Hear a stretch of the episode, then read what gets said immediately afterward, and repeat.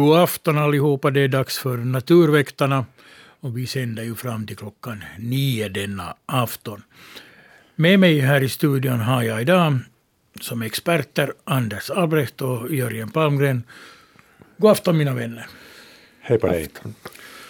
Tekniken idag sköts av eh, Riston Salonpää och mitt namn är Hasse Sundqvist. Vi har en spännande kväll framför oss.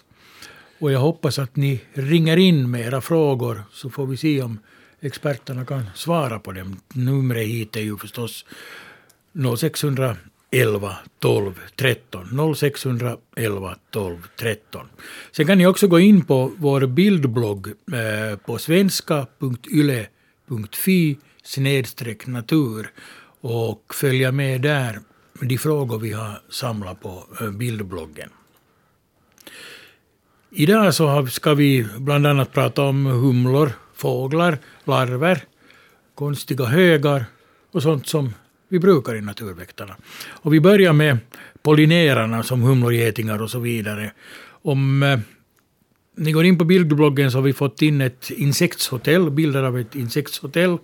Och där eh, finns det också en invånare som eh, troligtvis eller skriver den som har skickat in bilderna en vedgeting. Är det så? Det är så, ja. Det är en vedgeting. Och den då har bokat in på, enda, enda förstod jag, som har bokat in på det här hotellet? Den har bokat in, men den kan reservera eh, åtskilliga rum där i hotellet. Den, det är en solitär geting och den bygger, den bygger små bon där det bor några larver och så fyller den på med, med stungna, det vill säga bedövade bytesdjur. Så att de, de hålls levande där i månader medan getingens larver äter av dem. Så att de får ha näringen färskt och sen, sen murar de igen det, igen det med lera och sen tar de nästa och på det viset fyller de.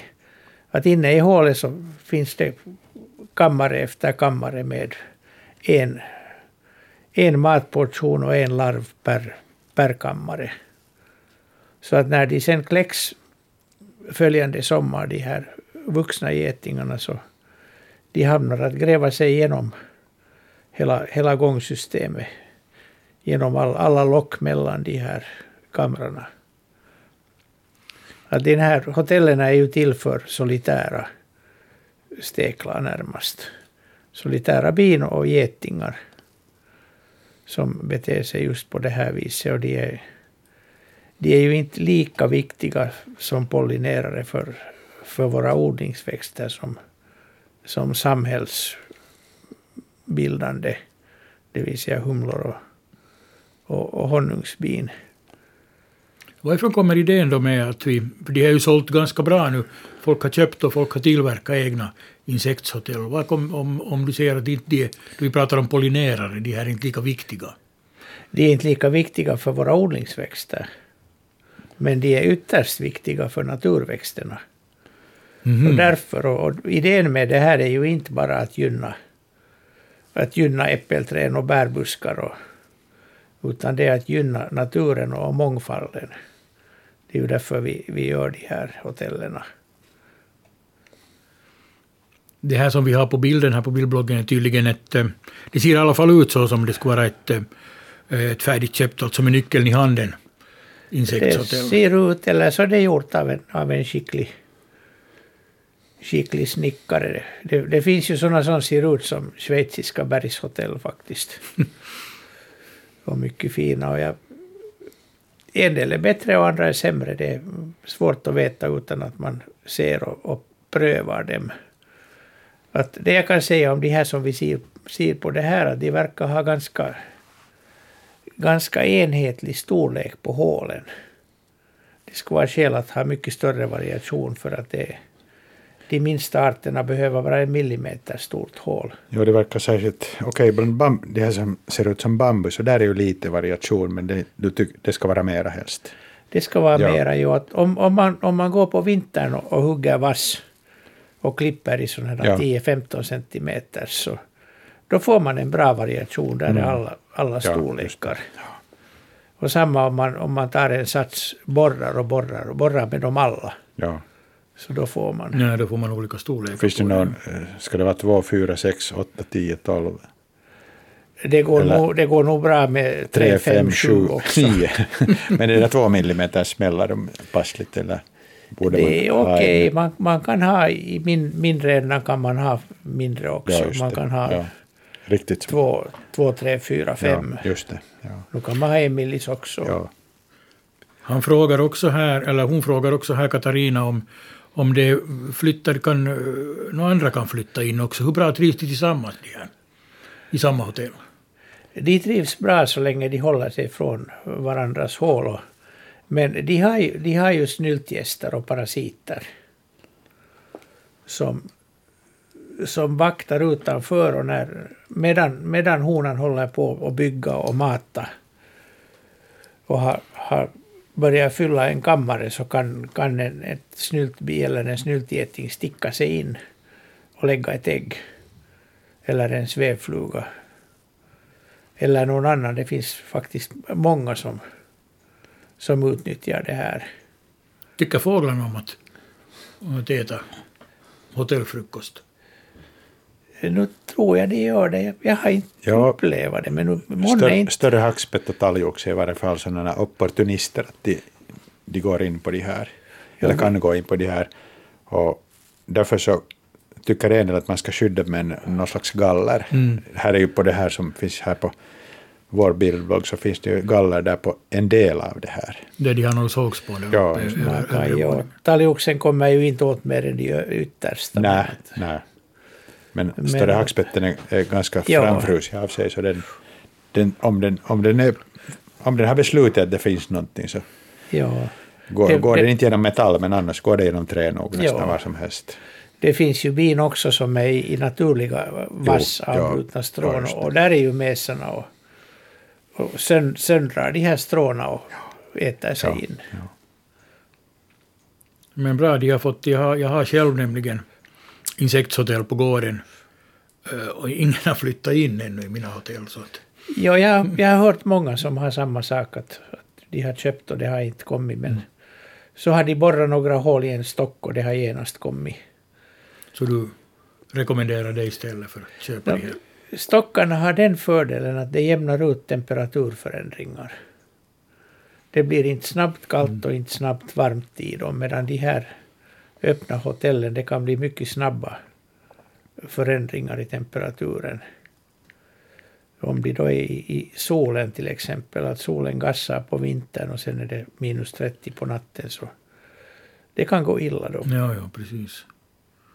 Bra, jag tror att vi har ett eh, samtal här som väntar. God afton. Ja, god afton. Det här är Sixten Jansson från, från Lumpaland.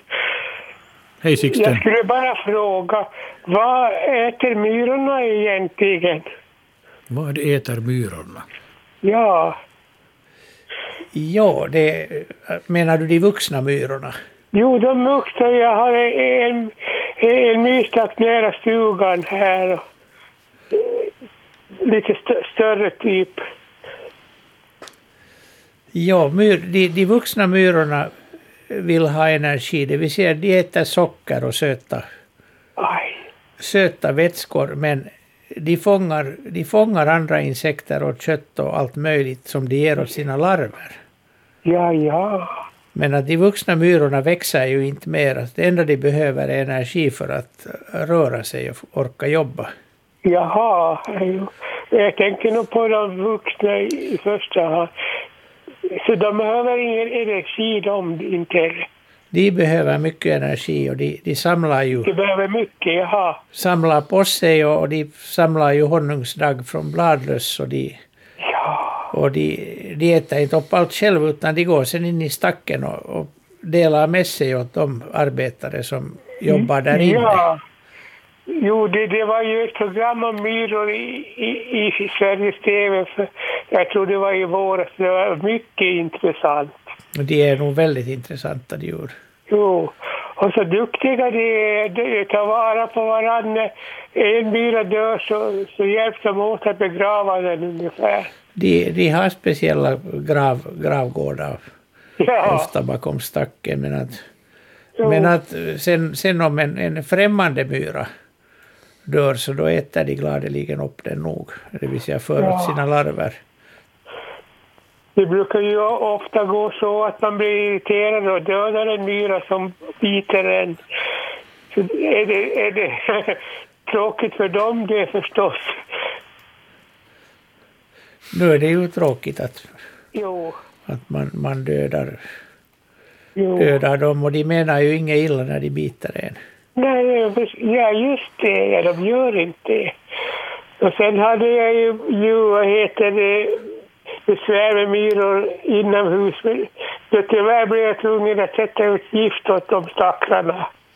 Nå, det, det händer att man blir tvungen Jo, ibland. Det hjälp, Okej. hjälps inte. det var ett jättetrevligt program jag nästan har väntat på det här i flera timmar idag. Bra, bra Sixten. Roligt att du ringde. Jo, okej. Ja, ha en skön kväll. Jo, hej. Ja, hej. Det var om myror. Jag har fått också... Vi har fått in ett, en, en fråga om getingar faktiskt. Och det låter så här att jag har läst i flertalet tidningsartiklar som hävdar att getingarnas populationer varierar i cykler med toppar varannat år. Detta på grund av inverkan av parasiter som minimerar antalet getingar efter ett, år, ett getingrikt år. Sommaren 2018 var varm och det fanns väldigt stora mängder getingar i Österbotten. Sommaren 19 fanns det relativt små mängder getingar. Förväntningarna var att sommaren 20 skulle bli en riktig getingsommar, men getingar i stora mängder har de inte sett till. Är observationen riktig att det har funnits väldigt lite getingar i år?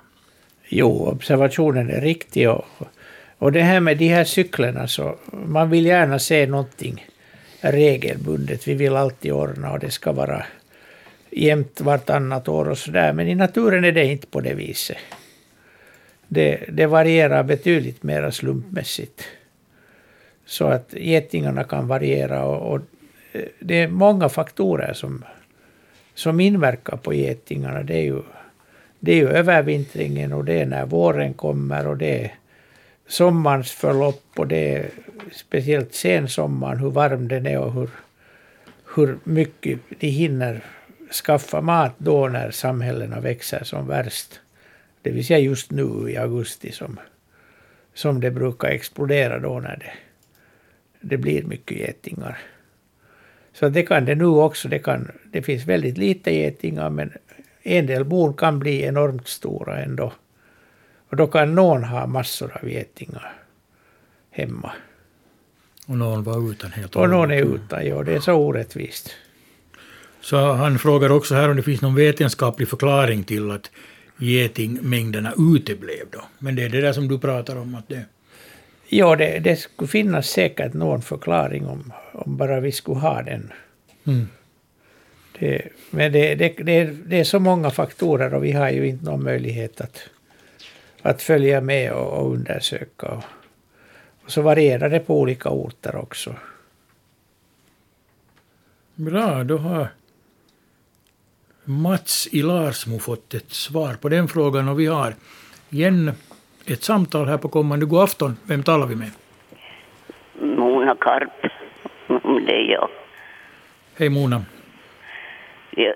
Jag ringer från Vasa, men, men det här hände närmast på sommarstugan i, i, i Monäs, Månsala, eller Nykarleby, om man vill. Det var så att jag såg en stor boll som stod som en, fotboll vid en eh, ris och skräphög som vi hade där på villan. Men det, det var som ett öppet hål sen som en, en del av bollen var sönder. Och jag tittade in där och där satt en groda och, och glodde på mig. Så nu undrar jag då vad hade den eventuellt för sig där? Höll den på att bädda för vintern eller, Eller vad var det? Jag har inte fått någon förklaring riktigt på det av någon. Så nu försöker jag med er då. Jo, det, det, den där boll, bollen, vad, vad Var var det, det? ja, var det en sån där, någon slags spelboll eller? Ja, det var stor som... Det var, det var ju skräp. Ja, Och det var som en, som en fotboll. ja just det. Men, men en del var bort då. Ja, just det. Och, Ja, ja. och då, då såg jag den där grodan som satt där och glodde. Ja, det var, det var ett en, enstaka tillfälle den där grodan var där. Ja, inte såg jag ju den och flera gånger Ja. inte. Jag, jag, jag antar nog, kanske Anders har andra synpunkter, men jag antar att den var bara liksom, den var bara där och vila. Den var kanske skuggigt ställe och lämpligt fuktigt. Ja, det, Ja. det tror jag Ja. också. Den, den, sö, den sökte skugga och fukt Ja. där. Ja, det kan hända, men jag börjar fundera ja, att, att förberedde den sig till vintern på något sätt eller? Det, det är nog för tidigt ännu för det. nämnde, du, nämnde du datum för det här skeendet? Ja, det var nog i augusti. Ja, nej, kanske inte så aktivt förberedande. Nej, jag, jag tror inte Ja. ännu, nej. Ja, Det var kanske bara en, en passlig viloplats för den. Ja, jag tror det också. Skyddad skugga. och- ja Så. no, det, var den, det var det nog. Det Ja. skulle nog tycka jag. Men jag börjar fundera om den på något vis förberedde sig för vintern. Och hur, eh, hur överlever den vintern då? Ja, den, den gräver ner sig någonstans i, i marken eller någon stubbe. Eller sen går den i vatten. I vatten? Grod, grodorna kan gå i vatten och, och gräva, gräva in sig i strandkanten eller i, i botten. Gyttjan också. Så de kan vara både på land och på vatten, i vatten. Ja, just så. Vattnet är ju så tillvida bra att det är jämn temperatur och om de är tillräckligt djupt så fryser det inte. Och de har det ganska bra där. I, I bästa fall kan- det, kan det vara liksom rätt ställe för årets spel. Det kan vara det också, ja. Jaha. Ja, när jag funderar på det där, för jag försökte ju komma fram förra torsdagen, men jag lyckades ju inte få tag på er då. Det var många som ringde då också. Ja. Ja, jag ringde hela kvällen. Jaha, men nu kom du fram. Det var ju bra det Mona. Så. Ja, no, det var ju äntligen lite bättre. Är, du, är du nöjd med svaret? Vilo, vilo, vilogrodan. ja, in- inte kan jag väl säga något mot det. Jag skulle nog tycka det, ja, att den kunde ha en vilopaus från, från lekarna på landbacken. Mera på landbacken. Precis. Tack ska du ha Mona. Jo, Ha en tack. skön kväll. Ja, tack detsamma. ja, hej. Hej. Numret hit är ju 0611 12 13. Ring in och fråga så försöker vi svara. Vi har här en, en fråga om, som Christer har skickat in, att hinner bina faktiskt till alla blommor? De har en stor körsbärsskog med mycket körsbär, men de har inte sett till många humlor eller bin. Men mycket bär har de fått. Ja, inte hinner de till allt.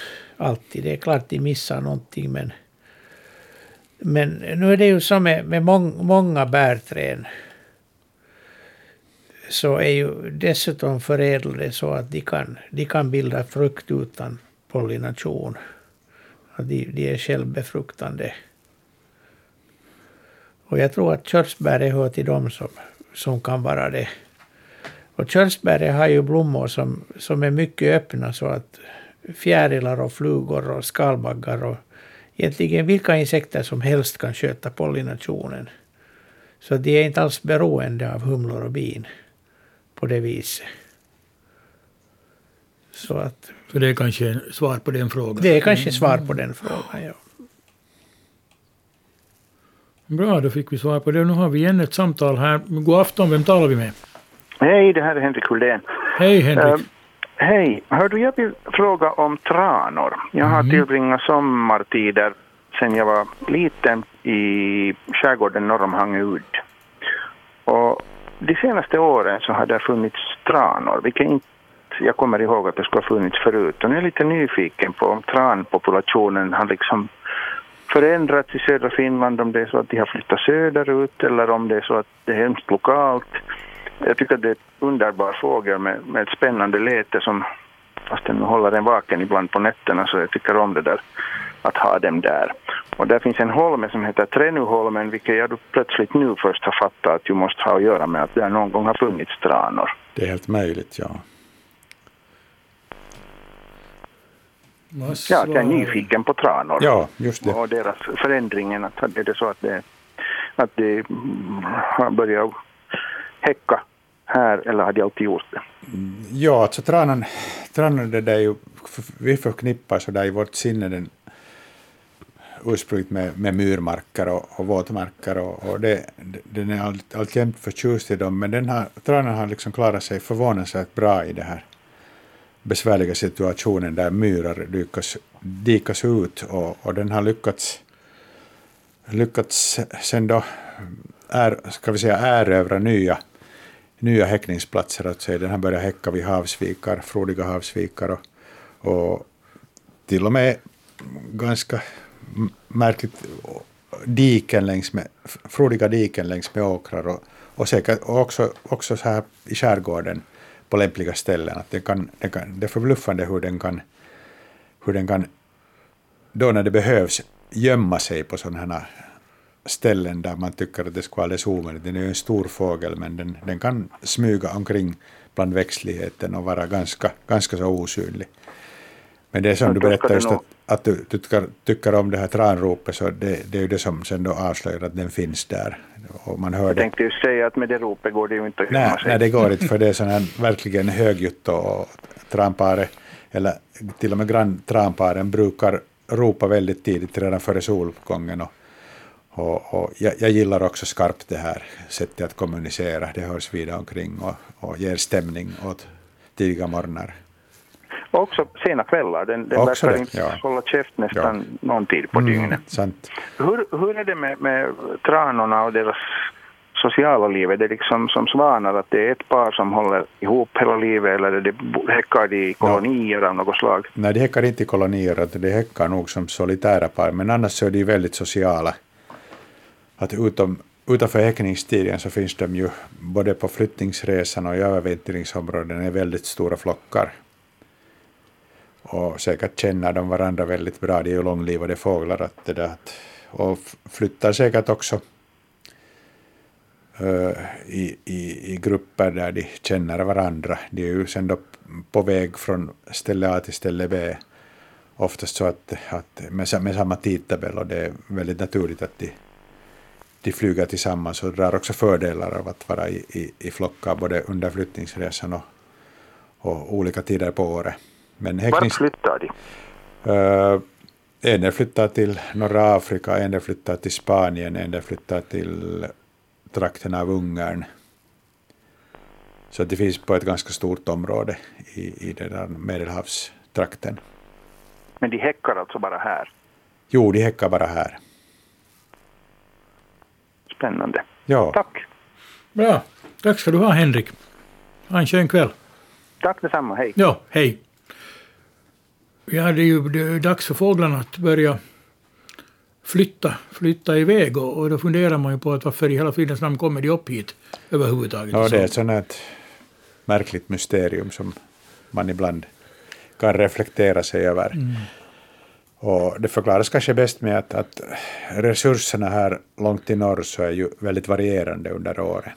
Vi har sommaren med ett överflöd av allt möjligt ätbart och sen har vi den, den där äh, svåra vintern när snö och is i varje fall vissa år täcker markerna och då finns det ju väldigt lite att, att hitta här. Och fåglarna har då under årmiljonerna anpassat sig till den här föränd- de här föränderliga resurserna och på det sättet förklarar man det väldigt gärna.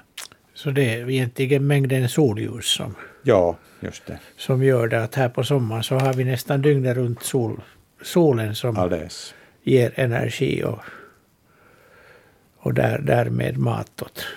Och det är bra ställe att häcka på. Det, det är bra, ja, där i söderut så är det en massa andra också som större konkurrens dessutom. Ja. Ja, de, de kommer hit och, och häckar då när det blir trångt där nere. Och, och det är ju bra det att någon äter våra myggor. Kan du? Ja, så är det. Ja, Bra. Fick vi svar på den frågan också. Vi har ett eh, samtal här. God afton, vem talar vi med? Ja, hej, det här är Lilla H från Kyrkslätt. Lilla H, hej. Jo, det räcker väl bra. Ja, det är bra. Hela socken vet vem det är som ringer. Man har så kännspakt namn. Jo, jag skulle ha en fråga om virvelbaggar. Hur övervintrar de? Och för att jag har fått dem nu hit till ett sånt här liten vattenkippo som jag har, eller den är nog ganska stor egentligen. Och, och de är väldigt intressanta. Och då funderar jag om man skulle kunna ha dem och övervintra i ett akvarium. Det är lite svårt att få för de, Aha, de, ja. de, de trivs nog bra i akvarium men att har man en liten springa någonstans så smiter de. Alltså de kan flyga De, iväg. de flyger, ja, de, de, från sådana här små pölar så flyger de till, till större vatten till vintern som inte fryser under sommaren. Men att de, de övervintrar också i vatten. Jaha, de, de gräver inte ner sig Nej. i något botten utan de är helt i vatten. De är, de, är, de är aktiva faktiskt på vintern också. Nå, Och- hur är det sen om det är en näringsfattig sjö? Duger det bra eller ska det vara en sån näringsrikt vattendrag? De, är, de näringsfattiga är nog alldeles tillräckligt näringsrika för virvelbaggarna. Du kan Jo, jag har vitträsk här i närheten så det skulle passa bra att föra dit. Det passar bra. De hittar Mm. nog själv dit. Aj, du, aj, du. De har nog varit jättelänge där i den där byttan och jag har faktiskt gett lite köttbitar åt dem. och- Ja, det är nog och bra men sen, och vad jag nu har fått dit. Så. sen när det börjar dra ihop sig till vinter så, så försvinner de nog. De, det är nog ytterst sällan som de ens försöker övervintra på ett ställe där inte djupet räcker. Hur länge är de igång? Jag menar tills det blir så kallt att de flyttar. Jag menar hur blir det plus fem grader eller finns det någon gräns med det här? Jag menar hur länge kan jag ännu vänta att jag har dem så? No, det, de, de brukar välja någon varm, varm kväll i september, oktober. Oftast är det september. Och så plötsligt är de alla borta. Ja, det är ganska länge ännu kvar då. Det är ganska länge. Ja, de, de, Njuta av dem. de, de kan ju förstås sticka om de tycker att det blir tråkigt här. Och, och har hon inte något annat än det här köttet åt mig. no, jag gav nog faktiskt en gång lite knackkorv också. Ja, jag, jag undrar, tyckte de om det? Nå, nå, nu kom de att smaka på det, men Ja. var det sen så intressant. Och det hemskt intressanta när de tar den där maten och så kommer de upp med baken i, i vattenytan och äter på det sättet. Jo, det, det vill säga de, de, de kommer att andas. Jo, det, jo, det gör de ofta. De, de, har, de har luft under täckvingarna och de, den luften sätter de i kontakt med, med luften ute genom ytspänningen och då, då byts den ut så att de har sen en massa syrerik luft. Så ska jag fråga att kan en locka till sig andra för att jag har det kom plötsligt en sån här jättestor, den är säkert nog tre centimeter lång, den är, tycker jag är enorm. För de andra är ganska små, Ja, nej, det, var- en. det var en stor dykare. De, de lockas inte av virveldykarna men att de, de Nej, men det lockar... kom en till plötsligt. Jag bara De- funderar, jag tycker det var mycket märkligt. Jag har aldrig sett så där stora förut. De, de, lock, de lockas av öppna vattenytor och, och stordykarna är ju de som vanligen vill ha små vatten. Så de Aha. kommer, de kommer i ämbaren och de landar ju på biltak också Aj, jaha. och så där allt som allt, allt som, som blänker lite så, så Aj, tror, lockar tror de att de tror att det är vattenyta och så försöker de hoppa igenom. Nå jo, inte ska jag ta dem över vintern då. Jag får nöja mig att titta bäst, på dem men- en liten stund och så för jag dem dit till Vitträsk sen så får de klara sig Ja, där. men vi- virveldykarna tror jag nog att locka på varandra. De kan ju signalera till varandra genom att genom att eh, sänd, Jo, sända vågor. flera. de, de, kan, de kan stå och sända, vibrera så de sänder vågor liksom i ringar åt varandra. Som fladdermöss i luften. No, det, no, det, det, är inte- det, är det är inte samma sak utan det, de, de bara ger liksom en, en, en våg i vattnet. Så där som skräddarna också gör. Sitter på ytan och, och så att säga pump, pumpar i utspänningen. Vibrerar i den. Och då hör de där andra det på något sätt. De känner, de känner det. Och man, man kan se det också. Det är så pass grova vågor att man ser, ser det ring, ringar som går ut. Och Jaha, jag, det tycker jag inte att jag har sett. du måste, det är egentligen på våren man ser det mest när de har parningstid. Man måste sätta sig där bara och, och titta och vänta. Och, kanske inte första och inte andra dagen, men kanske femtonde dagen. Mm. Eller sen tittar man nu och då till, man, man ser det nog ganska ofta i naturen om man är mycket ute. Så. Det- jag måste nu försöka se då ifall jag skulle se. Det skulle vara intressant att se. Jag tycker jag nu annars att titta på dem så mycket. Men det skulle vara en intressant upplevelse. Det, det är roligt att, att sitta och studera den bara. Jo, de är hemskt intressanta. Vi får ju hoppas att du får tillbaka trevliga. nästa vår, får tillbaka Ja, dina Vi husdjur. får Så hoppas ju du övervintrar i Vitträsk och så kommer de tillbaka. att de skulle hitta sen till samma pott igen. Om Nej, de- det har varit ett trevligt besök tycker jag. Bra. Tänk att jag har börjat mata dem. Ja, jag tycker det är bra. Bra. Jag provade till och med med sådana här fiskflagor, alltså som man matar fisk, akvariefiskar med. Men det gick nog inte riktigt i handen.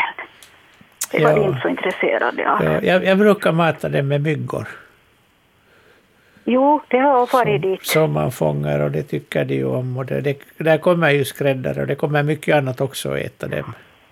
Ja.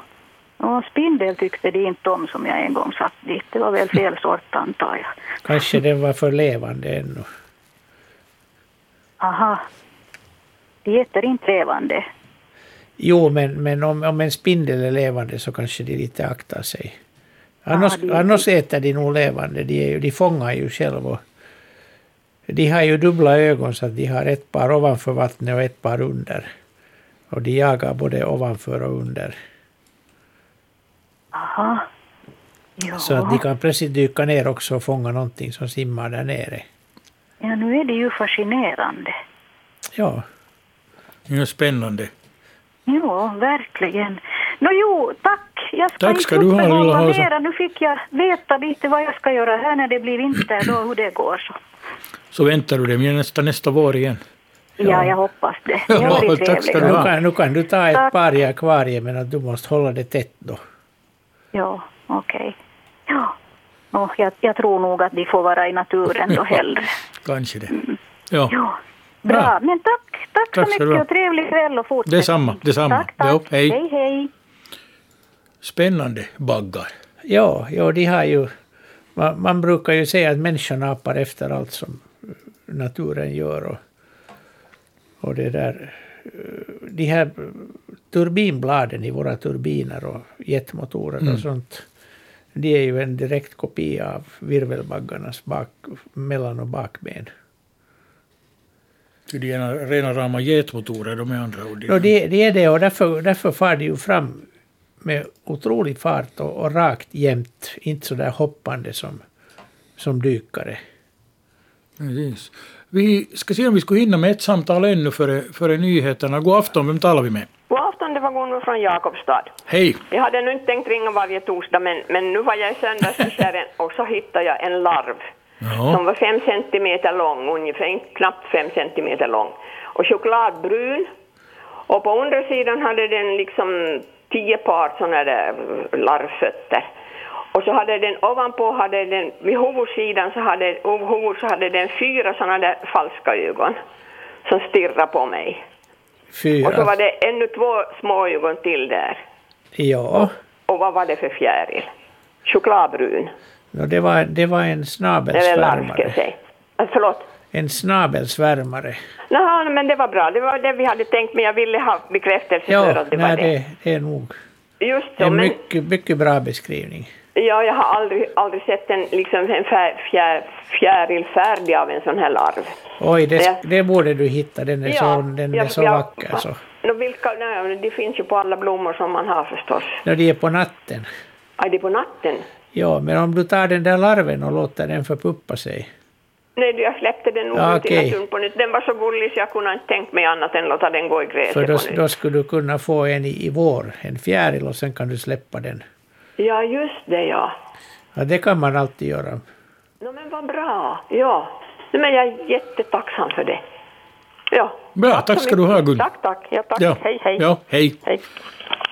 Så en intressant fjäril. Vi hinner ännu med en kort fråga. Det Är någon som har mycket humlor på tomten på sommaren och han skriver här, Svenna från Jakobstad, att de strider med varandra och och dödar varandra. Kan det stämma? Nej, Det, det är inte likt humlor alls. De, de, de brukar kunna sitta väldigt, väldigt nära varandra i, i, i bästa sämja på blommor. Man kan ha flera stycken. Och det, det låter konstigt att de skulle strida. Han hade tydligen sett något då de hade en liten och en stor humla. Hade bråkat om något och en, och en föll ner till marken. Ja, jag, jag undrar om, om den andra var något annat kanske. Svårt, svårt att säga, men det, det är absolut inte likt humlor. humlor är annars snälla. De är snälla, det är, bara, det är bara vid bo eller om man tar i dem som de sticker. Ja, jag hade också en, en, en, en ramsa från liten som heter Hummer Bummer. Sticker du mig så sticker jag dig med kniv och gaffel. Det var jag tror min, min mamma som lärde mig det här. Men inte sticker ju humlorna så ofta. Det, det är mycket sällan de gör det. Ja. Egentligen om man går och petar i deras bord. Så då, eller om man tar dem i, i handen i misstag. Så kan de nog sticka. Och de sticker hårt. Jag har en gång blivit stucken på näsan av en, humla och, sjukt tog det. Det tar sjukt, ja. Men man ska ju inte hålla på och pina humlor. Så. Nej, nej, det är onödigt. Och det har funnits ganska mycket i år av, av humlor. I alla fall vi har haft på vår gård ganska många. Ja, nu har vi haft en hel del också. Inte, inte någon toppsommar, men ganska bra. Ja, bra. Nu uh, börjar klockan åtta och då får vi höra nyheterna och efter nyheterna återkommer vi igen. Och då fortsätter vi här från Naturväktarna. I studion idag Hasse Sundqvist, Anders Albrecht och Jörgen Palmgren. Ni kan ju ringa in hit 0611 12 13 och fråga oss om nästan vad som helst om naturen, eller vad, mina herrar. Ja, nu kan man försöka. Ja.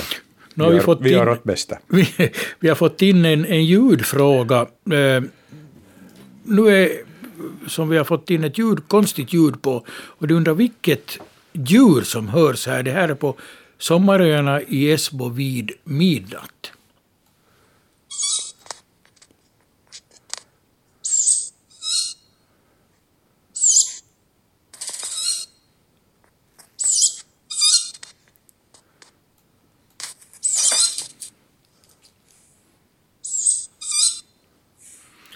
Ja, Jörgen, du nickar på huvudet. Ja, det var inte en råtta som... det var inte... Nej, det, det hörde jag nog nu. Det, det var en inspelning gjord väldigt nära av kattugleungar. Som tiggar. Kattugleung. Ja, som tiggar.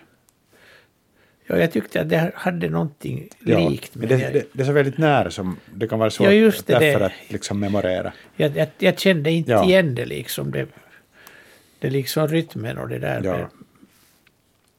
Jag har inte hört dem så nära. Fast det information om när det var inspelat. Det här eh, någon vecka ska Ja, jag säga. ja just det. De, För att- Nämligen de, de håller på att sluta tigga vid den här tiden. Jag har varit ihop med en del kattuglekullar så de är, de är redan liksom, de tigger inte mera på det här viset. Det alltså när de, när de hoppar ut ur boet, de är ofta flu, då, så, så då börjar de tigga för att det där för att föräldrarna ska hitta dem. Föräldrarna hämtar mat åt dem och de håller på, skulle jag nu säga, ungefär två månader, kanske tre månader. Men i, i något skede så börjar det sen avta det här tiggandet och de blir tvungna sen att lära sig att jaga också själv. Det här skulle säkert ha varit i början av augusti eller någonting sånt. Ja, de kan fortsätta. Det beror lite på när de har hoppat ut ur boet också. Att kattungar kan ju flyga ut redan i, i det där. Vi har vissa urbana par som senaste åren har haft ungar ute redan i februari. Medan det då är ganska normalt att de hoppar ut först i maj. Mhm. Så därför, därför kan den här längden på den här tiggperioden variera. Alltså skenbart variera. Men den är ju liksom nästan standard för kullen. Då fick vi svar på det. Det är en fråga med det konstiga ljudet. Kattugleungar som tigger mat. Vi har ett samtal. God afton, vem talar vi med? Det är Siv här. Hej Siv. Jo, jag undrar på en sådan sak för att nedanför vårt skogsskifte så finns ett sandtag och där har svanar häckat i flera år. Men det som vi undrar över, hur får de ut ungar därifrån? För att det är åtminstone fem kilometer fågelvägen till närmsta sjö. Ja, de, de traskar med sina ungar. Är det faktiskt sant? Ja, det, det gör det. Har du, har du haft eh, koll på hur länge de finns där i sandtaget innan de försvinner därifrån? Försvann väldigt fort Ja, i ja. år. Jo, de har nog en, en färdighet att, att det där, fara iväg långa vägar. Det var ju märkligt. Ja, de är, Jo. de är Och skickliga i det här. fjol till exempel, så då häckade också ett par tranor där i samma Ja, samtal. ja, just det. Ja. Jaha, så de traskar. Ja, det de var traskar. roligt att Ja, höra. ja. Jo. Och ibland, ibland, ibland så kan det ju hända att, att de sen då inte föräldrarna klarar av det här, men sångsvanarna är ganska stora och ganska, ganska det där, försvarar ganska eh, ettrigt sina, sina avkomma, men är det, är det något tillräckligt stort landlevande rovdjur som råkar, råkar hitta det här spektaklen när de är på väg med sina ungar så kan det gå illa för en del av kullen, eller till och med alla Jo, kan. det finns faktiskt en bäck där som är närmare så vi funderar Ja. om de skulle ha De- sökt sig dit Ja. och den vägen tagit sig ut mot sjön. Ja, de utnyttjar vä- väldigt skickligt de olika vattendrag som finns, bäckar och diken och så vidare. Ja. ja, det var intressant Mm. det här. Bra Siv, nu fick du reda på hur de tar sig vidare, svanarna. Tack, tack. Tack ska du ha. Ja, hej. Hej. Vi fortsätter väl med, med fågelfrågor. Vi har här på, om ni går in på bildbloggen som finns på svenska.yle.fi snedstreck natur så kan ni se en eh, bild av en bofink som har något på sin ena fot, någon sjukdom. Och då frågar sig Jonny här från Karleby att är detta fotsvamp? Nej, det är inte fotsvamp, utan det är känt just för bofinkar. Det är en papillomavirus som eh, förorsakar en sån här svampaktig, svampaktig tillväxt på fötterna. Papillomavirus. Och det där Jag har sett sådana här ett antal gånger och det har alltid varit fåglar som är gamla. Alltså det, är inte, det finns inte hos ungfåglar utan gamla fåglar. Och de här tillfällena har ofta varit sådana att jag har varit och ringmärkat till exempel fågelstationer och jag har fångat de här fåglarna sent på hösten.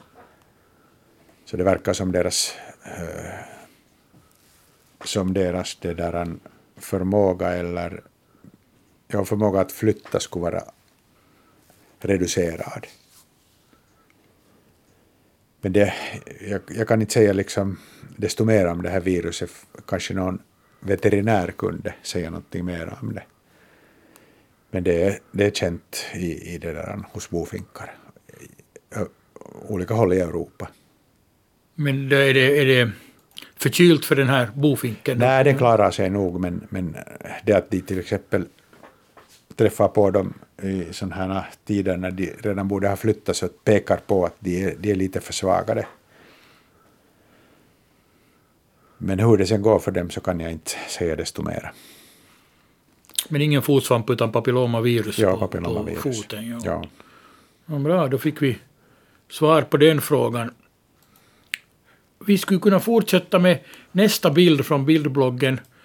Och då vildaste gissning eh, eh, Johan här, Kalle här att det är en ung lärkfalk. Men vad är det egentligen? Det är egentligen en, en tornfalk. Tornfalk. Det var, han var på rätt spår nog, men det där... Men riktigt, träffade inte riktigt rätt. Och den är, den är i, ska vi säga alla sammanhang, tornfalken är lätt att känna igen, för alla individer har sån här tegelröd färgteckning på ryggen. Det varierar lite om det är en ung fågel eller en gammal fågel. Och också här så ser man den här tegelröda. Jag skulle säga att det här är en ung fågel. Det är inte så intensivt som hos, som hos äldre fåglar, men det är, det är alltid väldigt kännspakt.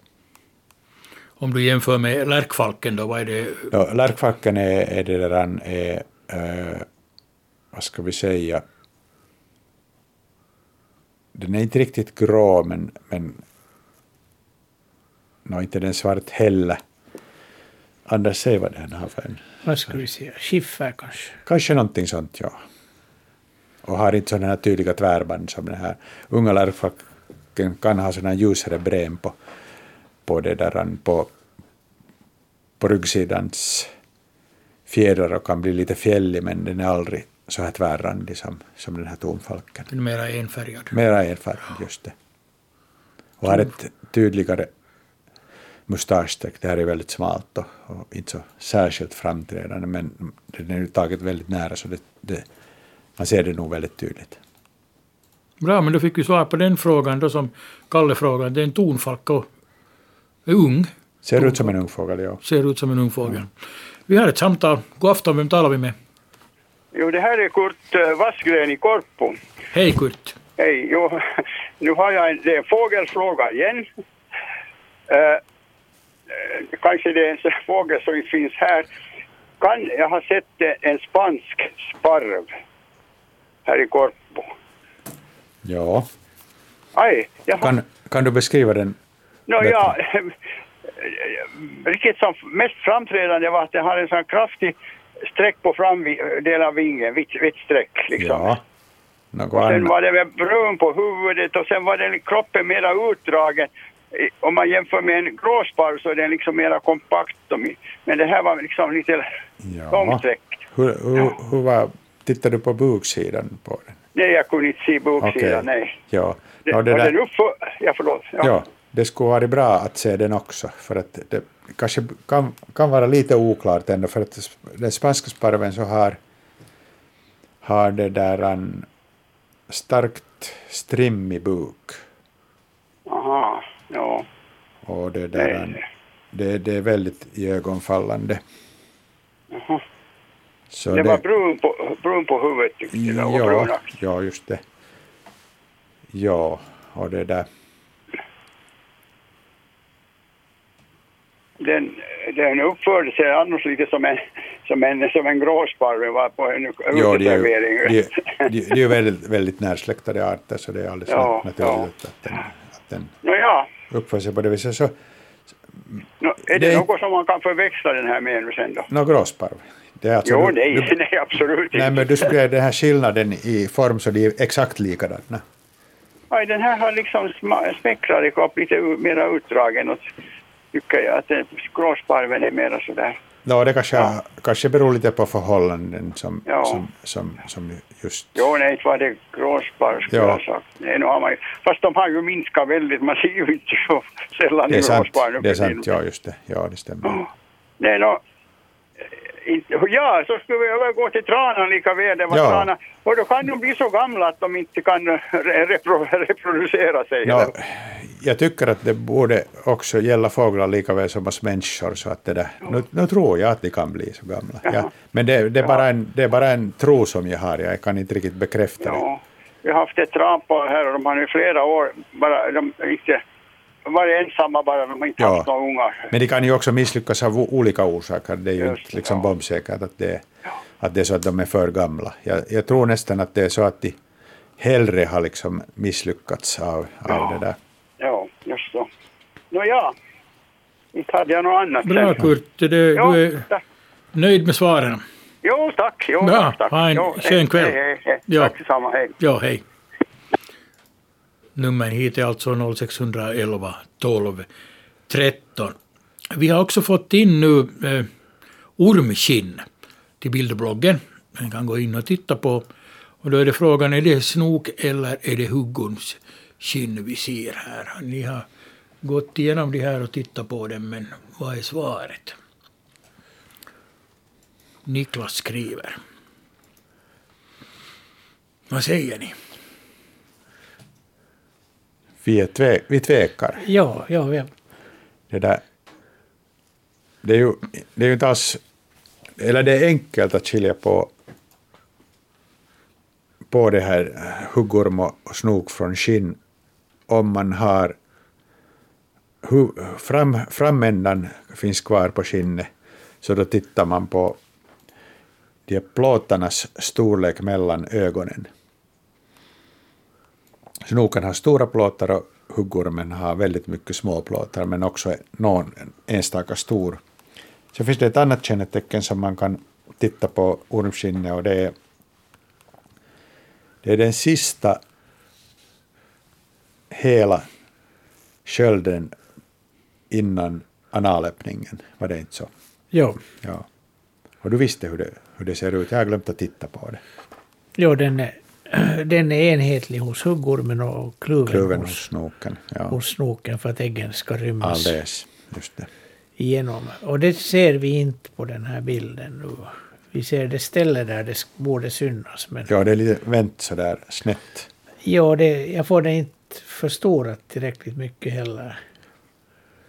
Så det lyckas nog inte den här gången. Men å andra sidan så vi kan, vi kan försöka gissa oss på, här är ju, här är ju fyra olika bilder. Ja, det var också eh, Niklas mamma som har skickat in. Just det, en annan bild. Ja. Men om vi tittar på det här första bildparet så, så där till vänster bredvid handsken så är en ganska, ett ganska långsträckt ormskinn tycker jag och väldigt, väldigt lång smal svans. Det, jo, det, det, det det skulle kunna ja. peka på snok.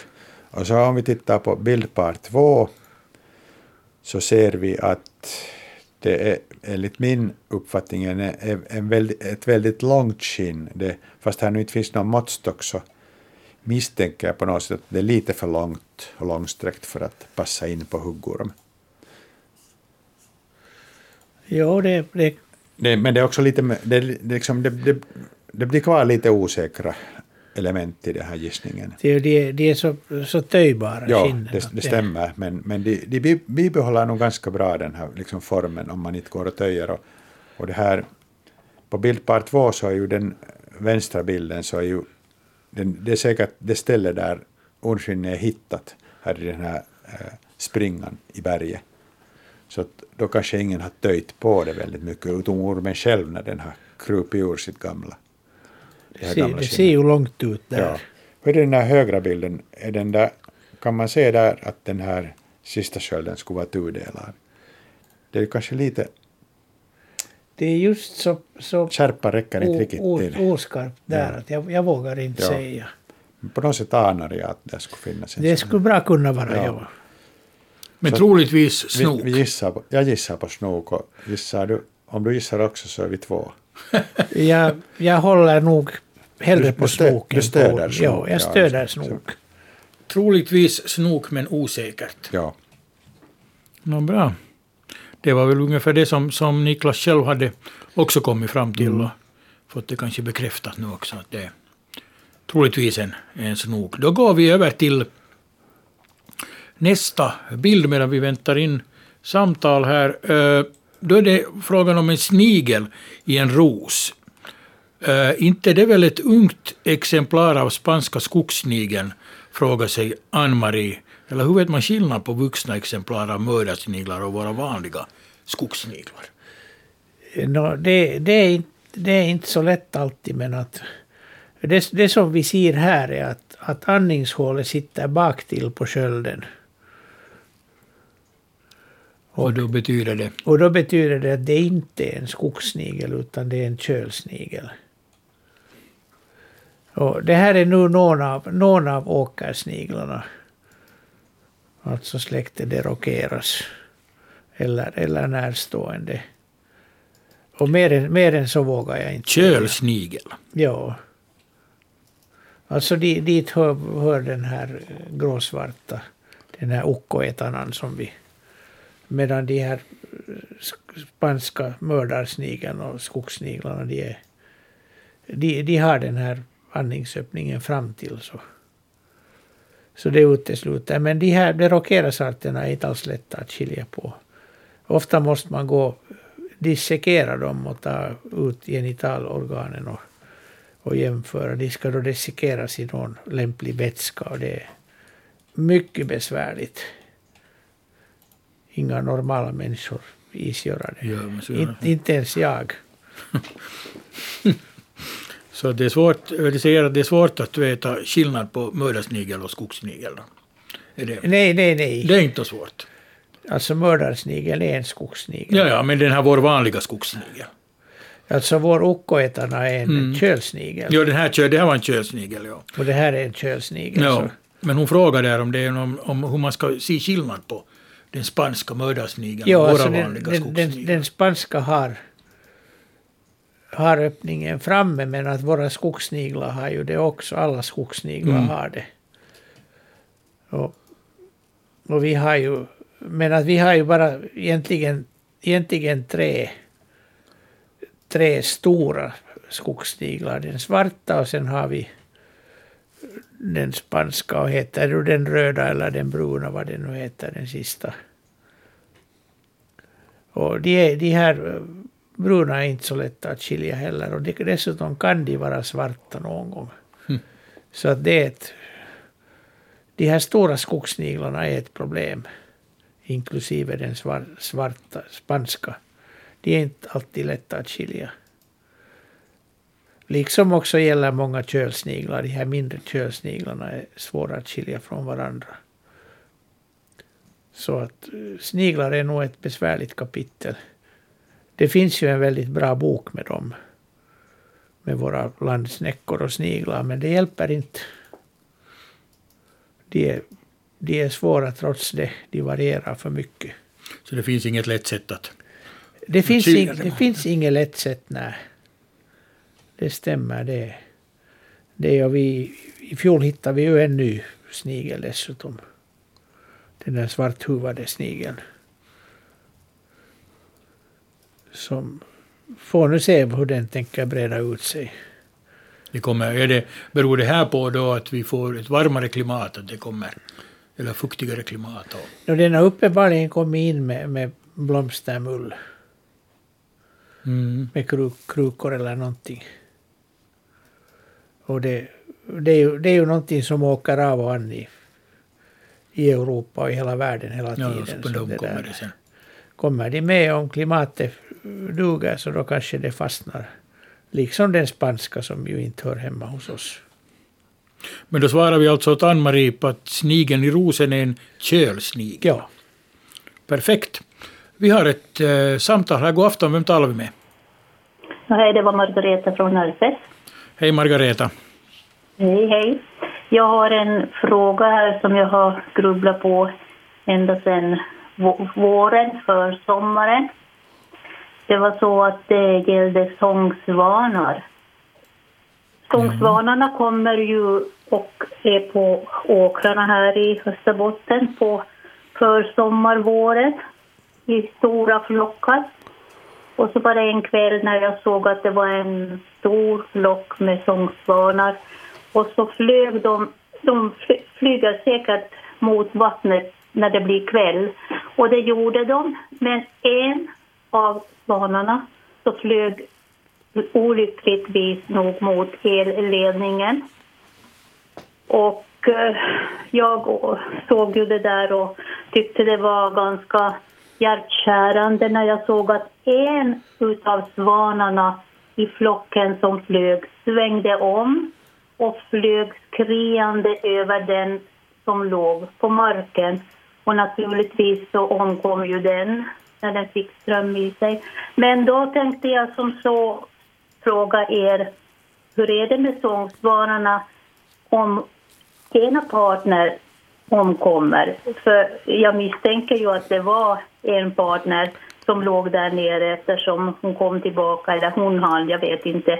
Men alltså fortsätter de ensamma eller, eller hittar de en annan, skaffar de en ny partner och tas det emot av de övriga i gruppen? Ja. Ja, först den här, din tolkning av det här att en kom tillbaka så det är utan vidare rätt att anta att det var dess partner. Och så funderar du på det här att, att bilda de par på nytt, så, så det finns en sån, ska vi säga lite romantisk uppfattning om att, att de, de är trogna sitt par livet ut och dör, dör den ena så, så fortsätter de ensamma. Jag tror att, jag, jag har inte belägg på det här men jag, jag, jag, är nästan säker på att det inte stämmer utan, utan, utan vidare så, så bildar de par på nytt. Skaffar en, ska, skaffar, en, skaffar en ny partner, för det skulle vara väldigt oändamålsenligt att, att de skulle bete sig på det viset att de inte skulle göra det. Ja, precis. Så vi ska hoppas det. Ja, jag tror, jag tror att det, det... Sen har vi ju det här lite besvärliga med våra fönsterrutor mm. nu när fåglarna kan flyga emot när det speglar sig. Ja. Och det hörde jag en duns här på morgonen och gick ut och, och såg en fågel låg. Han var inte död och ingenting var brutet så jag tog ju in, in fågeln och, och satte den i tryggt förvar i tvättstugan.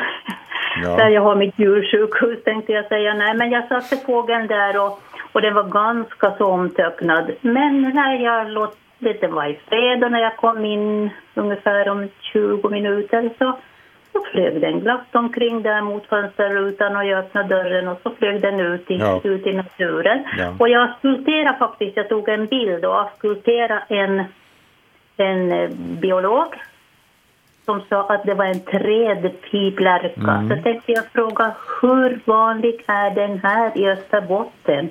Och var häckar den och häckar den här överhuvudtaget?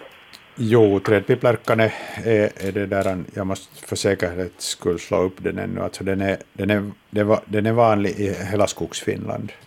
Okej. Okay. Och Österbotten hör ju till, också till skogs, det som jag räknar som Skogsfinland, alltså områden där det finns skog. Och, och det där, nu kommer jag inte ihåg vilken, alltså, vilken ranking den har bland våra fåglar, men man beräknar med att det 1,6 till 2,4 miljoner par. Den hör alltså till de tio talrikaste fåglarna i vårt land. Okej, okay, men jag hade i alla fall inte sett den. För mig var den helt ja, ny. Ja, jag förstår det för att den är, den är en sån där art som man inte lägger märke till om man inte känner igen den. Nej, precis. Men alltså den häckar den här då jo, någonstans? I... Jo, jo.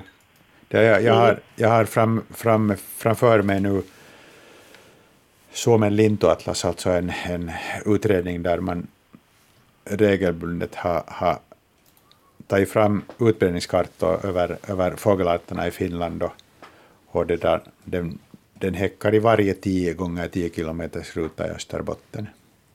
Okej. Okay. Det var ju roligt att mm. höra. Ja, det finns många nya spännande arter att upptäcka i vår fågelfauna. Ja, så är det. Ja. No, men jag får tacka för det här och önska redaktörerna en bra fortsättning på kvällen och veckan. Detsamma Margareta. Tack ska ja. du ha. Hej. Hej. Om vi då går över till eh, bildbloggen igen och då har vi en spindelfråga som Jens från Österbotten har skickat in. Spindeln och bollen hittade frun häromdagen i Svartvinbergs ämbare. På en timme hade den byggt nätet med boll. Vad är det? frågar Jens från Österbotten. Ja, det här är en, en, det är en klotspindel som kallas äggspindel. Och det är väl för att bakkroppen är sådär ägg, äggformad. Långa ben och den här bollen är, är dess äggkokong. Som är då spunnen av en sån här, ett blått blå tråd och där inne finns det fullt av ägg. Och den här bygger bo genom att spinna in sig mellan ett eller några blad sådär helt löst. Och de, de kan vara så vanliga att det i ett hallonsnår så, finns det på varje, varje hallonbuske fem, sex stycken av dem. Och den, ofta är den så här helt blek men den kan också ha två rö, grandröda ränder på ryggen längst ränder eller sen en enda bred så att hela ryggen är röd. Och de här röda formerna av den är otroligt vackra. Den här bleka är inte li, lika fin. Men den hör till våra van, vanliga spindlar. Klotspindel, äggspindel. Jo, alltså Det är en klotspindel, men en äggspindel som är en klotspindel. Ja. Jo, jo alltså Ja. grupp, gruppen klotspindlar. Nå bra, då fick ju Jens reda på att vad det som var i vinbärsämbare. Och den hade nog kommit med med äggkokong. Med den, allting, den har ja. inte fixat det där på någon minut. Det tar ganska länge för den att, att lägga alla äggen och spinna in dem. Ja, så den har kommit från eh, vinbärsbusken med andra Den har, men den släpper ju inte taget om kokongen. Nej, förstås. Ja. Nåja, men då vet vi det att det är en, en äggspindel. Vi fortsätter med larver då. Vi har fått in en, en eh, bild på en larv som hängde under trappräcket i Gammelby Lovisa. Följande dag så var den borta, men så upptäckte den eh, Kristel en puppa under verandataket. Vad kan det vara för larv, den här svarta piggiga saken? Och det här är larva av sorgmantel. Sorgmantel. Och den, den lever på, på lövträd i, i stora kolonier. Honan lägger all, alla sina kanske 200-300 ägg på ett ställe. Och larverna lever där på samma, samma kvist. När bladen tar slut så går de vidare och äter kaltan efter. Sen först när de är förpuppningsmogna så då sprids de ut. Och det var hänt här. Och sen spinner de fast sig i de spinner en liten dyna i no, någonting. Ofta är det i, i träd eller i någon håla under någon sten eller någonting. Det kan vara helt öppet men ofta är det lite skyddat. Och så hänger de där och förvandlas till en puppa där inne. Det sker helt i hemlighet inne i huden och sen spricker huden och puppan kommer ut. Och till början blir huden att hänga där vid, vid basen, alltså upp till. Men att puppan har två taggar med krokar. Och den, utan att egentligen kunna göra någon annan rörelse, lite vifta på sig, så lyckas den kränga ut den där larvhuden ur, ur de här två krokarna utan att själv falla ner. Jag tycker det här hör till en av naturens stora trolleritricks. Det, det är helt otroligt att, att hänga i två taggar här och klä av sig den här huden den vägen. Den är ju full av, av, av mysterier och underverk. Vår, Jo. vår natur. Och, och insektpuppan är ju ett underverk. Det, det är ju inte så att den, att den sen blir till fjäril utan den, den bryts totalt sönder till, till en soppa bara i, i puppan. Och så byggs den upp helt på nytt till fjäril. Mhm. Att det är inte som, som gräshoppor och många andra som, som bara blir större och så får de vingar. Utan det är, en- det är en total omvandling som, som gör att den liksom hela, hela larven förintas. Det blir bara gröt av det. Har du något svar på var, varför i hela fridens namn det går på? Varför de sysslar med sånt? Ja, de, de blir, de blir fjärilar. Ja, ja, de blir fjärilar men att... Det, no, det, det, är, det är utan vidare det, det lättaste sättet att bli fjäril från en sån här. Jag menar att, att ta en sån här larv och dra skinnet av den och bygga om den till fjäril. Den har ingenting som Nej, fjärilen har. Det lättaste är att, att söndra sig själv. att söndra sig själv och bygga upp sig på nytt. Och det, det är vad det gör. Det, det är helt enkelt andra gener som kommer i bruk och de tar det gamla materialet och gamla cellerna och organiserar om dem. Tänka sig. Det är otroligt. Ja. Men det är i alla fall en sorgmantel vi ser Ja. här då med andra ord. Så om vi går till, till eh, nästa fråga. Eller vi har här ett, ett eh, samtal. God afton. Vem talar vi med? Halloj, halloj. Kiittö Sibbo, Lassi Autrinen, moin. Hej. Du har en Äh, fråga. här för, en, för en dryg vecka sedan så satt jag på min havsbalkong och nu är jag ju då det där på, på det här är ganska brant ner till stranden, en, en 20 meter eller så där och, och det där, äh, det här var på eftermiddagen och, och äh, hörde från stranden ett våldsamt skri. Och jag hade ingen, ingen brukar alltid ha kikare till hands, men jag hade ingen kikare till hands där och jag blev och lyssnade på det där och försökte, försökte titta dit ner mot stranden, grusstrand och så här. Och jag kunde inte se någonting och det fortsatte och det, och det fortsatte. Och sen pausade det emellan, jag gick och hämtade kikare och sen började det igen och jag tittade och såg ingenting. Nå, jag har i stranden en cirka 20 år gammal uh, kistbrygga Kistan är byggd uh, på kuggom som kursarbete och det är byggt av fel material och på kanske fel sätt och den håller på och det där uh, vara slut. Och där har lossat det där, lossat det där en del det där delar, bland annat vid strandändan så att säga av kistan. Och det där och jag gick sen ner till stranden och tog kameran med och och satt mig ner och började, började där konstatera att det här har någonting att göra med bryggan, det här ljudet. Och det slutade emellanåt och sen började det igen. Och, och där är alla möjliga andra hål också där i bryggan, det där av att den är felbyggd och det där. Och, och om en stund så tittar någonting ut därifrån. Så två par, eller ett par ögon och det där eh, och, och kom, sen, kom, kom sen till den slutsatsen att det, det är nu då eh, antingen en utter eller en mink eller något sånt. Och, och, och det där, och, och den var nog mera tyst då och, och sen tittade den ut, ut då faktiskt från olika håll av bry, bryggan där jag kunde se den och, och sist och slutligen fick jag, fick jag det där foto på den och konstaterade att det var en mink verkar, jag är inte så där hemskt bra på minkar, minkar men att det där verkar som ganska liten. Eh, det kan jag på något vis förstå varför det var inne i min kistbrygga med, med stenar och svalt och det var, det var väl varma dagar då och det där. Eh, men vad var det nu, varför, vad, vad ville den säga? Var, Varför skrek den? Skrek den alltid emellanåt? Har vi något svar på minkskriket? Nu har vi några gissningar nu. Den,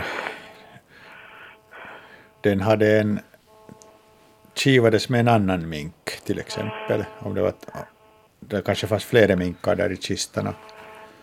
Ja, nej, och sen, sen det där stack den, stack den det där sen efter en, en, eh, fe- 15-20 minuter därifrån och, och, sprang, sprang det där via, via det stora båthuset Ja. någonstans. Och Ja. efter det, eh, efter det hade varit helt, helt lugnt och tyst. Och inga andra har synts. Men jag har hört att det lär ha varit extra mycket minkar här i skärgården i, i det där sommar. På det där Onashållet och, och Kalvön och ditåt. Men Jo, jag har, jag har nog inte, om, om inte det är no, några lösa delar där som den klämde tån emellan eller någonting. Ja. Där är, där där vi har måste bygga där ett, ett liksom löst, löst nytt, nytt det där uh, brygg, brygg det där uh, den här övre, övre delen och den är fäst, fäst i alla de delar som ännu var uh, uh, icke mjuka i den där originala kistan. Men att så inget sådär klart svarat. Nej, Jag, det, jag, jag undrar om det sannolikaste skulle vara helt enkelt två minkar och slagsmål. ja, ja något, något sånt. Eller, eller, Ja. eller annat kommunicerande. De är ju Ja, ungarna, när de är stora så det kan, det kan vara kan de väl, brå, bråk mellan Ja. syskon också. eller, ja, Men, men de har eventuellt inte, inte bott där en längre tid. ja, det kan man inte avgöra inte. De kan, Att- de kan de bara är- vara på, på genomfart. Ja, till, tillfälligt där. Ja. Ja, precis. Det där, okej, så, så, men det var nu någonting annat för min del än fåglar och fiskar. Men sen kan jag Ja. nämna här till slutet att jag har byggt, byggt det där byggt det där uh, fjärilsbarar och, och, och, och särskilt då amiralerna har flugit här. Det är, det är roligt det. Det är roligt. Ja, Ja, det, ja, det är ju ja. inte lika mycket amiraler som i fjol men att det finns en hel del nog. Ja, här är det nu mer amiraler än förra året. På grund, kanske på grund av detta. Och det, de, de, drar, de här barerna drar till sig nog. Det, det ökar. Ök, ökar hundrafalt antalet fjärilar ja. småningom. Jag plockade åt mig från en fjärilsbok på, på, på finska det där en, en, en sats var det, var det skrevs att amiralerna på hösten sam, sa, samlar sig vid ruttna, ruttna det där, rutten frukt och sånt och sen skickade jag textaren åt min kompis som de facto är amiral och han skrev att, att, nå, de, ami, att amiralerna är lustiga. Ja, ja det, det är gam... Jag, jag, jag använder i barerna sån här äpp, äppel, äpp, äppelmos och socker och, och jäst. Nåja, jag har ingen gäst där men jag har det där, jag har uh, typiskt det där, uh, uh, där, vad heter det nu det där, inte, inte persika utan den där andra likadana. Det där i bit, bitar som brukar vara när man köper dem färdigt lådor så, så hälften börjar vara dåligare än följande dag. Och nektariner och Ja, just. Och sen det där, och sen diverse annat och, och jag hade faktiskt fyra olika, liksom samma innehåll annars men att jag hade, jag hade Pepsi i en och rom i en annan och salmiakkikossu i en tredje. Jag, jag dricker ingen alkohol så jag måste få det gå åt, åt så småningom. Mata Och, fjärilarna. och, och, och i fjärde det där var det sen äh, äppelvinsättika och vill ni gissa vilken var populärast? Det måste ju vara salmiakkossu. Det var det. Riktigt sant. Ja, det är Kyllä. Den är, den, den är söt. No, det, är, det är just det. Den ja. är söt och den har, den har mycket alkohol. Det är ju, Ja. alkohol är en av de viktiga ingredienserna. Ja. Ja. Jepp, jepp. Okej. No, men bra, håll Tack baren uppe för fjärilarna där Jo, och låt minkarna slåss. okej. Tack ska du ha. Hej då. Jo, då. hej. Så ja, nu fick vi en massa intressanta eh, grejer därifrån också. Vi skulle kunna ta ännu, vi har li, eh, lite bildbloggsfrågor här. Och nästa fråga är en, en grön sak som hänger på, på en teriyaki bil, skriver eh, Ann-Marie. Och vad är det för något, den här gröna larven? Vad har vi? Jo, det är, det är en svärmalarv och nu... Nu kan jag inte se karaktärerna på den. Alltså det är egentligen det här utseendet så det är... Det är videsvärmare, poppelsvärmare, aspsvärmare och lindsvärmare. Så en svärmarlarv. Ja, och... Och av dem är det egentligen videsvärmaren bara som är vanlig på, på vide. Så vi kan, vi kan väl tippa på att det är en videsvärmare. Men jag kan, jag kan inte se kännetecknen på den här bilden. Vad borde man kunna? Man borde, lindsvärmaren har en, har en sköld bakom hornet, alltså i, Ja. i, i skymundan. Och, och det andra ser man på huvudställningen bland annat. När de sitter och lite på de här teckningarna och de här eh, vårtornas storlek. De här tvär, vita tvärteckningarna består av, av vårtor. Mhm. Och de är, de är av olika byggnad. Men att eh, på basen av växten så tippar vi på videsvärmare. Ja, i alla fall en svärmarlarv, men, Jo. en, men troligtvis en, en videsvärmare. eh, Fick Ann-Marie veta här. Sen har vi Victoria, nio år från Renum, som har skickat in en, en lurvig sak. Också en larv. Den 56 centimeter lång. Vad är det? Ja, det här är en larv av en ekspinnare. Ekspinnare. Ja, och den, den, den är så här brun och lurvig och sen kännetecknas den av de här svarta ledgränserna. De är så här dju- djupt svarta. De är liksom... det är inte som någonting som är svartfärgat utan det är som, som ingenting skulle finnas där, liksom svarta hål. Och så har det lite vita, vita fläckar på sidorna. Och de här håren på den här, så de, de går in i huden och brister och kan ge jättetråkig klåda. Så man ska vara försiktig med den. Den ska man inte röra med andra ord. Nej, inte röra och absolut inte hitta många av dem och bära dem i, som händerna i en skål som, som vissa har gjort när de var små. Anders. Det, fick, det, fick, det fick jag nog lida för. Ända, ända fram till julen så hade jag sådana blåsor som dök upp i handflatan. Ja, det höll på så Ja. väldigt länge. Just det. Har du alltså lärt dig, du har burit på allt eh, möjligt och sen så... Jag har börjat och jag, inte visste jag ju. Jag var ju litet barn. Och hittade flera stycken och så jag, och inte hade jag någon burk eller någonting så jag måste ju ta dem och bära hem dem. Ja, ja, så Man måste, dit kunde man ju lämna dem. Mm. De hade säkert, deras mamma hade säkert lämnat dem. Gör inte som Anders. Bär omkring på, på luddiga larver. Nej, men det, det är nu ett sätt att lära sig. Nå, så är det.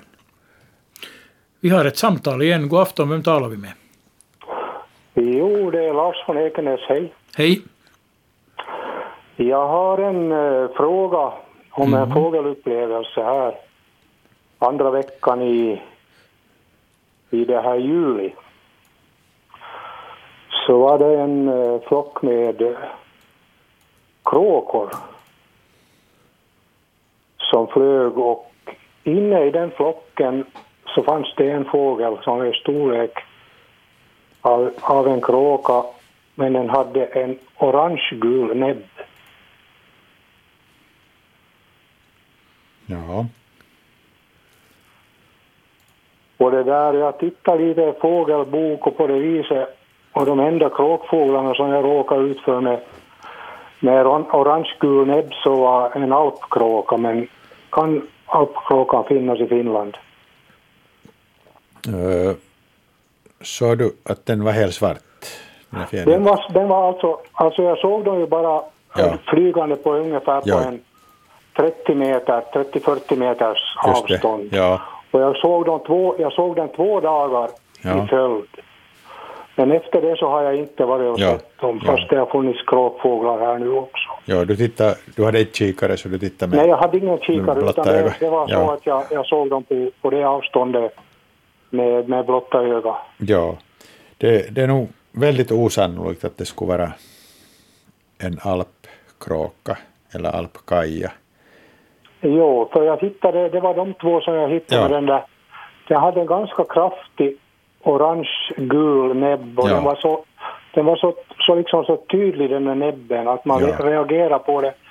Jag trodde först när jag såg den så trodde jag att den hade någonting i munnen. Ja, Men, men, men sen, sen så såg jag den en följande dag ja, och, och den höll sig med tillsammans med, med en, en, en, några andra krå, kråkor där, att de Ja. kanske var en fem, sex stycken Ja. och, och den, den var med bland med dem. ja, det var prick lika stor som dem.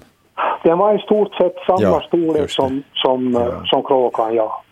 Det verkar mest sannolikt som det skulle ha varit en, en, en kråka som hade någon slags missfärgad näbb eller någonting En, annat. en, en, att den skulle ha fått en, en missfärgad näbb. Ja, av, av några orsaker. Det kan vara någon, Jo, någon mekanisk För- målning eller något För jag annat. tänkte också just att när det gäller den här alpkråkan och Ja. alpkajan så det är ju mera fåglar från Mellaneuropa. Det stämmer ju. Och de, de är Och, inte... och här, här kommer ju inte något berg emot för vi måste upp till Lappland innan man börjar komma i, i något högre fjäll. Jo, och de har inte liksom desto större benägenhet att stryka omkring de här alpkråka heller. De, är- de är i princip stannfåglar. Att de är stannfåglar? Ja, i princip Ja. stannfåglar. Jag tror att de kan kanske under vintern dra sig eh, bort från de högsta topparna, men, men i princip stannfåglar. Ja, precis. Men, eh, men det kan finnas då sådana här missfärgningar på, på Det kan finnas på- ska vi säga. Nå, det kan finnas miss, missfärgningar på, på många olika fågelindivider. Ja, precis. Så ja, men då får vi, då får vi räkna med att Ja. det, var en, det var en inhemsk kråka med den Ja. här orangegula. No, alltså riktigt säker kan man inte vara, men det låter som mest sannolikt. Ja, precis, precis. Men då får jag, då får jag tacka för det här svaret och Tack. tacka för ett trevligt program. Tack själv och ha en trevlig fortsättning. Ja. Ja, hej. Tack så mycket. Hej, hej. Hej. Missfärgad näbb och en kråka. Om vi skulle gå till eh, sista bilden i bildbloggen, där har vi en... Här är Johanna som har skickat in eh, upptäckt på en stubbe i Korpo den 17 i sjunde. Eh, då var den sån här färgad, det vill säga ljusbrun, och följande dag så var den helt svart den här. Vad är det för klimpe? Här, här har vi en, en, en, en slemsvamp eller slemdjur, vad vi ska kalla den. Ja, som vi pratade om förra veckan också. Ja, ja alltså de, de hette förr myxomycetes, alltså slemsvampar, och nu heter de myxozoa. Alltså slemdjur. Men att vi, nu kan vi kalla dem slemsvampar. Och det är då fråga om en koloni av amöbor. Som har, har kommit upp för att, för att kapsla in sig. Och då bildar de ett sånt här svart det kan vara pulver, de kan också ha mera, mera utvecklade sådana här fruktkroppsliknande knopp, knoppar eller borstar eller någonting.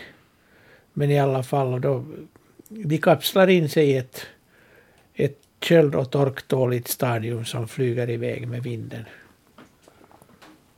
Ja, så de, de transporterar sig på det sättet. De transporterar sig och då kommer de på ett lämpligt fuktigt underlag så, så växer de och sen förökar de sig genom delning och, och kolonin i början hålls helt löst ihop. De har kontakt med, med protoplasmasträngar men de, de, annars, de rör sig skilt från varandra. Och, så den kan krypa igenom den här stubben, den här kolonin.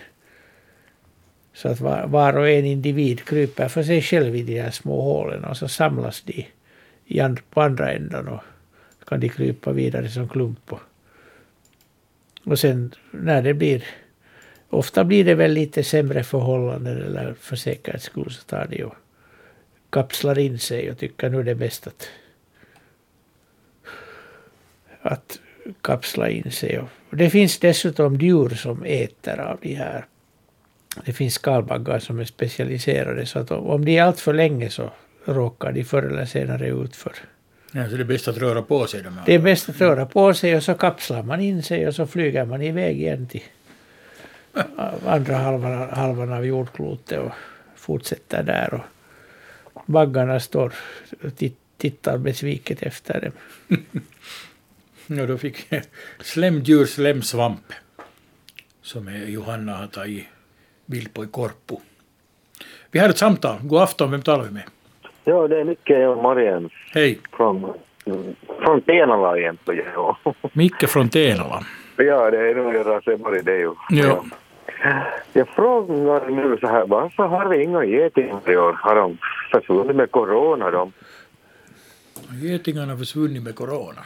Ja, det finns ju inga getingar och de brukar ju Nej, alltid vara nej det, det, det, de. det stämmer. Det, det man ser Ja. någon enstaka geting nu och då. Nu borde Ja, det finnas mycket av dem. Och, Jag sitter ute dem, annars angrep jag Örstop och liknande här för två, tre år sedan tillbaks. De var ju riktigt aggressiva på restauranger eller på barer och liknande. Men inga getingar alls. ja, ja jag, jag, jag undrar, det, det som ju är typiskt för den här gångna vintern är ju att det inte var någon vinter.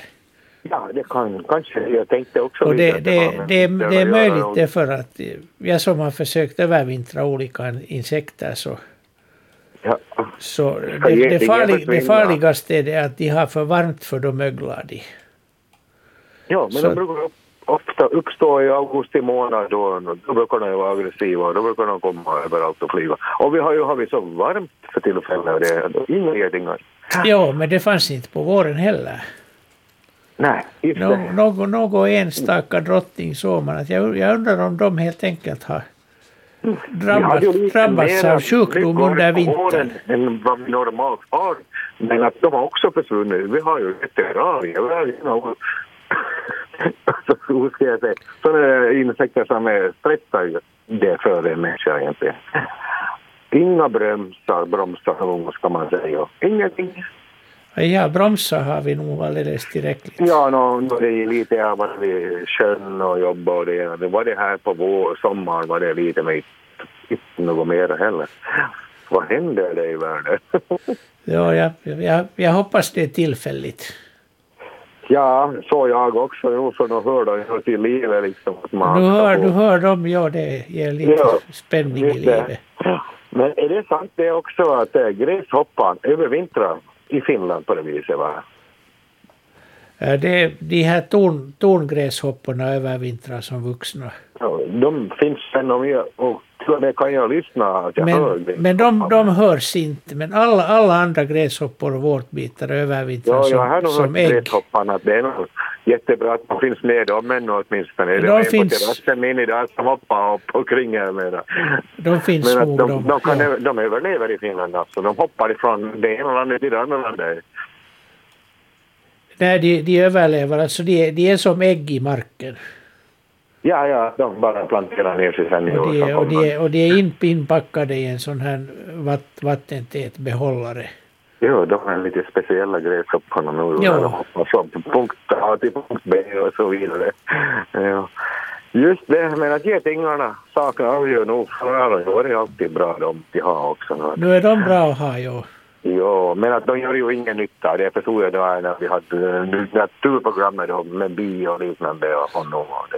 Nej, de, de, de är inte så hemskt bra på att pollinera. Men, på det viset väl. men att de, de äter jättemycket av det som vi kallar skadeinsekter.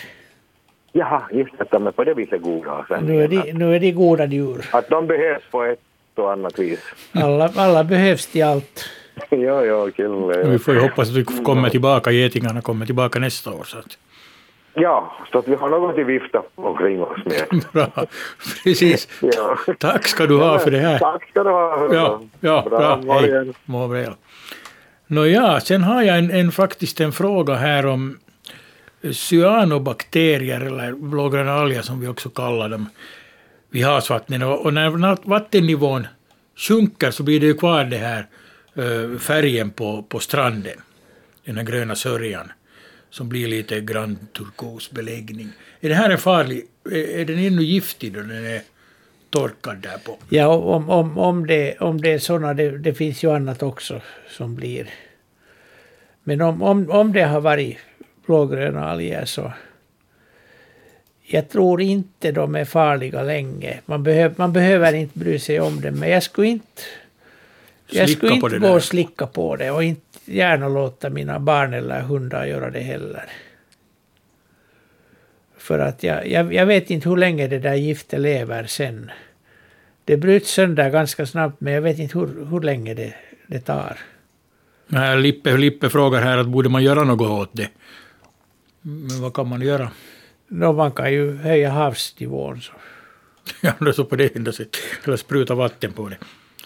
Ja, nej, inte, inte, kan, inte kan man göra Nej. någonting. Men, men man, man ska nog inte gå, helst inte att röra det och, och absolut inte äta eller dricka av det.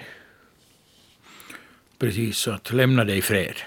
Sen har jag en eh, kvick fråga här ännu om svartkråkan, att om det är en inhemsk art eller är det en, har den invandrat?